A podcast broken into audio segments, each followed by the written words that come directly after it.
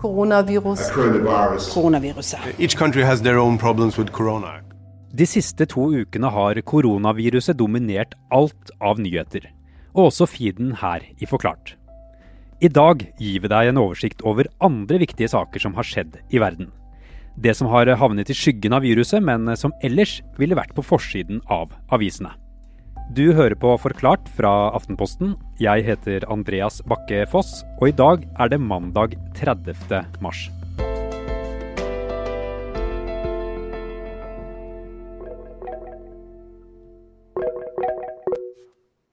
Hallo. Hallo, Jon. Der var du. Hei, hører du oss? Han jeg snakker med her, er Jon Hultgren. Han er utenrikssjef i Aftenposten. Men du, så bra. Har du et sted med en dyne eller noe i nærheten av det, eller hva? Jeg har henta dyna på soverommet. Her rigger han til et hjemmestudio for å fortelle oss om de andre nyhetssakene. Jeg prøve å laste den over her for å se hva som dette kan fungere. Rett før alt dette med koronaviruset startet, så var det en annen mulig krise vi så starten på. Tyrkia åpnet grensene nordover, og desperate flyktninger og andre migranter forsøkte å komme seg til Europa. Flyktningleirene på flere av de greske øyene var allerede overfylte. Særlig mye oppmerksomhet fikk leiren Moria på Lesbos. Flyktningleirene på de greske øyene var eh, ille fra før. De var ille allerede fra da migrantavtalen eh, mellom Tyrkia og EU eh, ble inngått i 2016, og er blitt verre og verre siden det. Moria-leiren på Lesbos, som vi hører ganske mye om, den ble bygget for 3000 mennesker.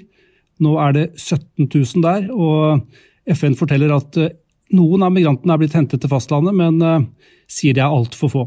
Hva vet vi om hvordan situasjonen har utviklet seg der de siste ukene?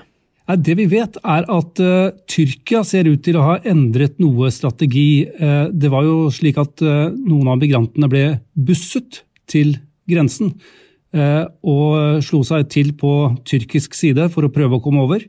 Men det ser nå ut, så vidt vi forstår, så busses de nå tilbake igjen. Så det kan virke som om den, den situasjonen er litt annerledes nå. Og vi kommer ikke helt utenom uh, viruset i denne episoden heller, for blant andre Leger uten grenser er alvorlig bekymret for hva som vil skje dersom dette viruset sprer seg i disse flyktningleirene. Hva er det de frykter? Nei, Du kan tenke deg hva vi blir rådet til i Norge for å unngå smitte. Uh, hygiene er veldig viktig. Vi skal vaske hendene ofte. Vi skal holde oss innendørs så mye som mulig i boligen vår. Og vi skal holde god avstand hvis vi går ut. Ikke noe av dette er mulig i disse flyktningleirene. De har elendige sanitære forhold, de har lite vann, kanskje ikke såpe i det hele tatt. De har ikke noen bolig som de kan holde seg inne i, de bor jo i skur. Og leirene er så overfylt at det er umulig å holde avstand.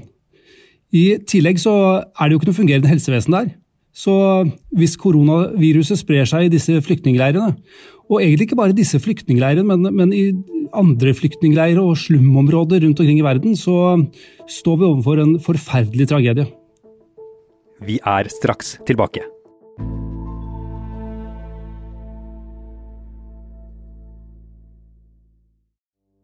Samtidig med at det for første gang ble påvist koronasmitte her i Norge, så kom det en nyhet fra Afghanistan. USA og den islamske fundamentalistiske bevegelsen Taliban ble enige om en avtale. Taliban have endured decades of hostility and mistrust. Previous talks have faltered. This effort only became real for the United States when the Taliban signaled interest in pursuing peace and ending their relationship with Al Qaeda and other foreign terrorist. USA og Taliban har eh, lenge forhandlet om en eh, våpenhvile. Og der ble det gjennomslag den 29. Eh, februar. Dermed skulle jo forholdene legge til, rette for at amerikanske styrker skal trekkes ut over en 14-månedersperiode. Et viktig gjennomslag, kan man si, også for president Donald Trump som, i USA, som har lovet å hente hjem soldatene fra endeløse kriger, som han kaller det. Men det mangler et vesentlig spiller her. For Afghanistans myndigheter de har ikke deltatt i disse samtalene. Eh, de er ikke med på noen avtale i det hele tatt så langt. Men de skulle innlede forhandlinger mellom altså Taliban og Afghanistans myndigheter da, i Oslo nå i mars, faktisk. Men der kommer problemene, da. For det var et valg i Afghanistan i fjor høst. og både president Ashraf Ghani og utfordreren Abdullah Abdullah har erklært seg som vinnere av det valget. Eh, de har faktisk begge to gjennomført innsettelsesseremoni. Eh, det var eh, egentlig Ghani som vant valget, hevdes det. Opptellingen viste det, men Abdullah mener at det var valgjuks. Og Dermed klarer ikke de å bli enige om hvem som styrer landet. Og Det er bakgrunnen for at den uvanlig morske amerikanske utenriksminister Mike Pompeo for en uke siden kom på uanmeldt besøk til Kabul og konkluderte etter hvert med at USA trekker 1 milliard dollar i støtte til Afghanistan, og samtidig reduserer samarbeidet på andre måter. Men hvor sterkt står denne avtalen nå, Jon? Prøv å beskrive det. Denne avtalen kan faktisk bryte sammen eh, helt. Uh, uenigheten i Afghanistan uh, følger de samme skillelinjene som før, altså etniske skillelinjer. Så spørsmålet er om det kan bryte helt ut i en ny borgerkrig. Men hva må på plass for at denne avtalen skal holde? Nei, Aller først så må de vel bli enige om hvem som styrer Afghanistan. Eh, det må jo være en forutsetning. fordi eh, det er først da de kan finne ut hvem de skal sende ut en delegasjon som kan forhandle med Taliban. Eh, men så er det også sånn at denne avtalen ikke er like populær blant alle. Kritikere mener at den gir altfor mye til Taliban. Og det er jo den samme ekstreme gruppen som styrte Afghanistan fram til 2001, og som ga terrorgruppa Al Qaida fritt spillerom i forkant av eh, terrorangrepene mot USA. Det er også andre ting som har skjedd i Midtøsten den siste uken. I 2018 ble den saudiske journalisten og regimekritikeren Jamal Khashoggi drept og partert inne i Saudi-Arabias konsulat i Istanbul i Tyrkia. Nå har Tyrkia siktet 20 saudiarabere for drapet, og blant de siktede er nestlederen for landets etterretning, og den saudiarabiske kongefamiliens kommunikasjonssjef. Disse anklages for å ha ledet operasjonen. FN og amerikanske myndigheter har konkludert med at drapet ble beordret av kronprins Mohammed bin Salman, noe han selv har benektet. Men til CBS-programmet 60 Minutes har han sagt at han tar ansvar. Did you order the murder Jamal Khashoggi? بلا شك لا Absolutely not. This was a heinous crime. But I take full responsibility as a leader in Saudi Arabia, especially since it was committed by individuals working for the Saudi government. For ett år siden opplevde New Zealand den verste masseskytingen i fredstid i landets historie. En bevæpnet mann skjøt og drepte 51 mennesker i to moskeer i byen Christchurch. Uh, Gjerningsmannen Brenton Tarrant strømmet skytingen direkte på sosiale medier via Facebook Live. You are uh, Brenton Harrison Tarrant. Mr. Tarrant, uh, you are remanded without plea. Brenton Tarrant er en uh, høyreekstrem 28-åring uh, uh, fra Australia som åpenbart har et sterkt hat mot muslimer. Han strømmet jo disse massedrapene direkte på internett, og han har også uttrykt støtte til gjerningsmannen bak massakren på Utøya og i regjeringskvartalet den 22. juli. Men Tarrant har jo hele tiden nektet for at han er skyldig på disse punktene i tiltalen fra påtalemyndigheten. Men nå har han snudd. Ja, svært overraskende så erkjente han plutselig skyld i alle tiltalepunkter under et rettsmøte denne uken. Så det var en helomvending. Men hva betyr det for rettssaken eh, som eh, skulle starte i juni? Det betyr at eh, det ikke blir, gjennomført en stor rettssak med bevisføring og alt det. Nettopp det at han filmet, eller strømmet, disse angrepene.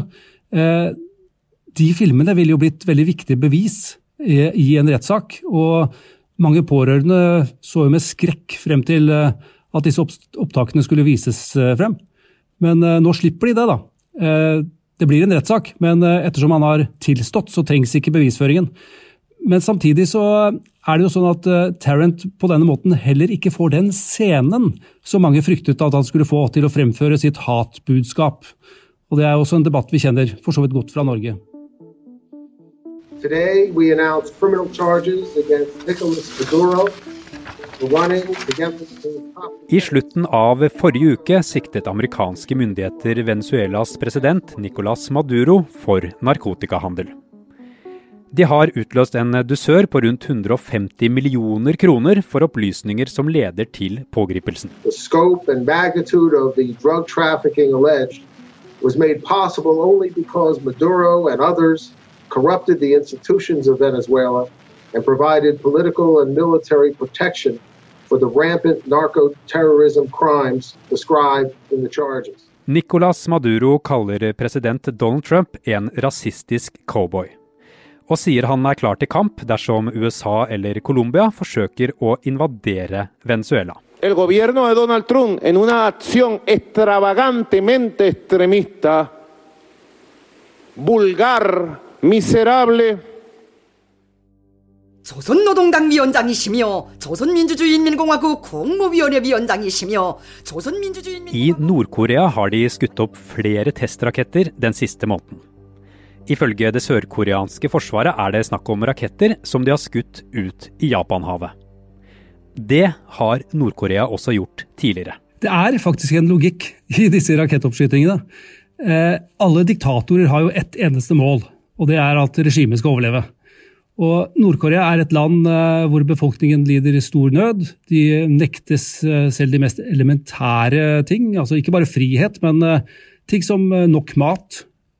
Og da kan man jo tenke seg at på et, et eller annet tidspunkt så kan et annet land, eller en koalisjon, eller hva det måtte være, reagere sterkt nok på undertrykkingen og urettferdigheten til at de vil gripe inn. At det på en måte vil kaste regimet, da. Da kan atomvåpen eh, være det ypperste forhandlingskortet man kan ha. Det er nesten som en garanti mot innblanding. Men eh, det er kanskje riktig å, å altså for, for, å sammenligne, da, så kan vi trekke inn eh, Libya. Muammar Gaddafi hadde også et atomprogram, men han eh, lyttet faktisk til det internasjonale presset og, og la det bort. Den eh, Nato-ledede bombingen som eh, Norge også deltok i der, eh, viste vel at det ikke nødvendigvis var et godt valg for Gaddafi. Men at Nord-Korea har atomvåpen, det er nå én ting, men det er ikke nok i seg selv. De vil utgjøre en trussel mot andre. Avskrekking. Og da må de kunne feste disse våpnene på raketter og sende dem til andre land. Da. Og det er årsaken til disse testene.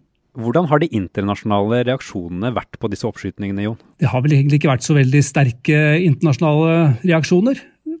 De aller fleste andre land har vel nå mer enn nok å gjøre med å bekjempe koronaepidemien. Det gjelder vel ikke minst nabolandene Sør-Korea og Kina.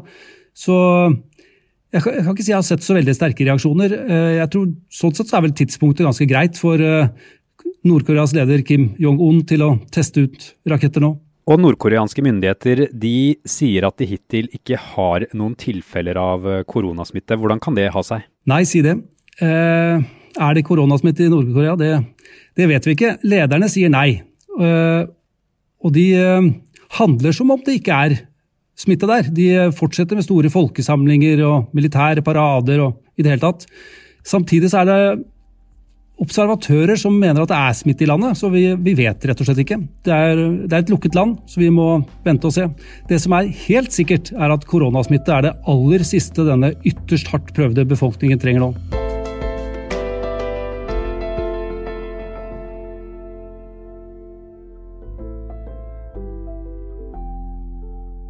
Forklart lages av Caroline Fossland, Anne Lindholm, Fride Næss Nonstad Kristoffer Rønneberg og meg, Andreas Bakke Foss. I denne episoden har du hørt lyd fra nyhetsbyrået AP og VGTV.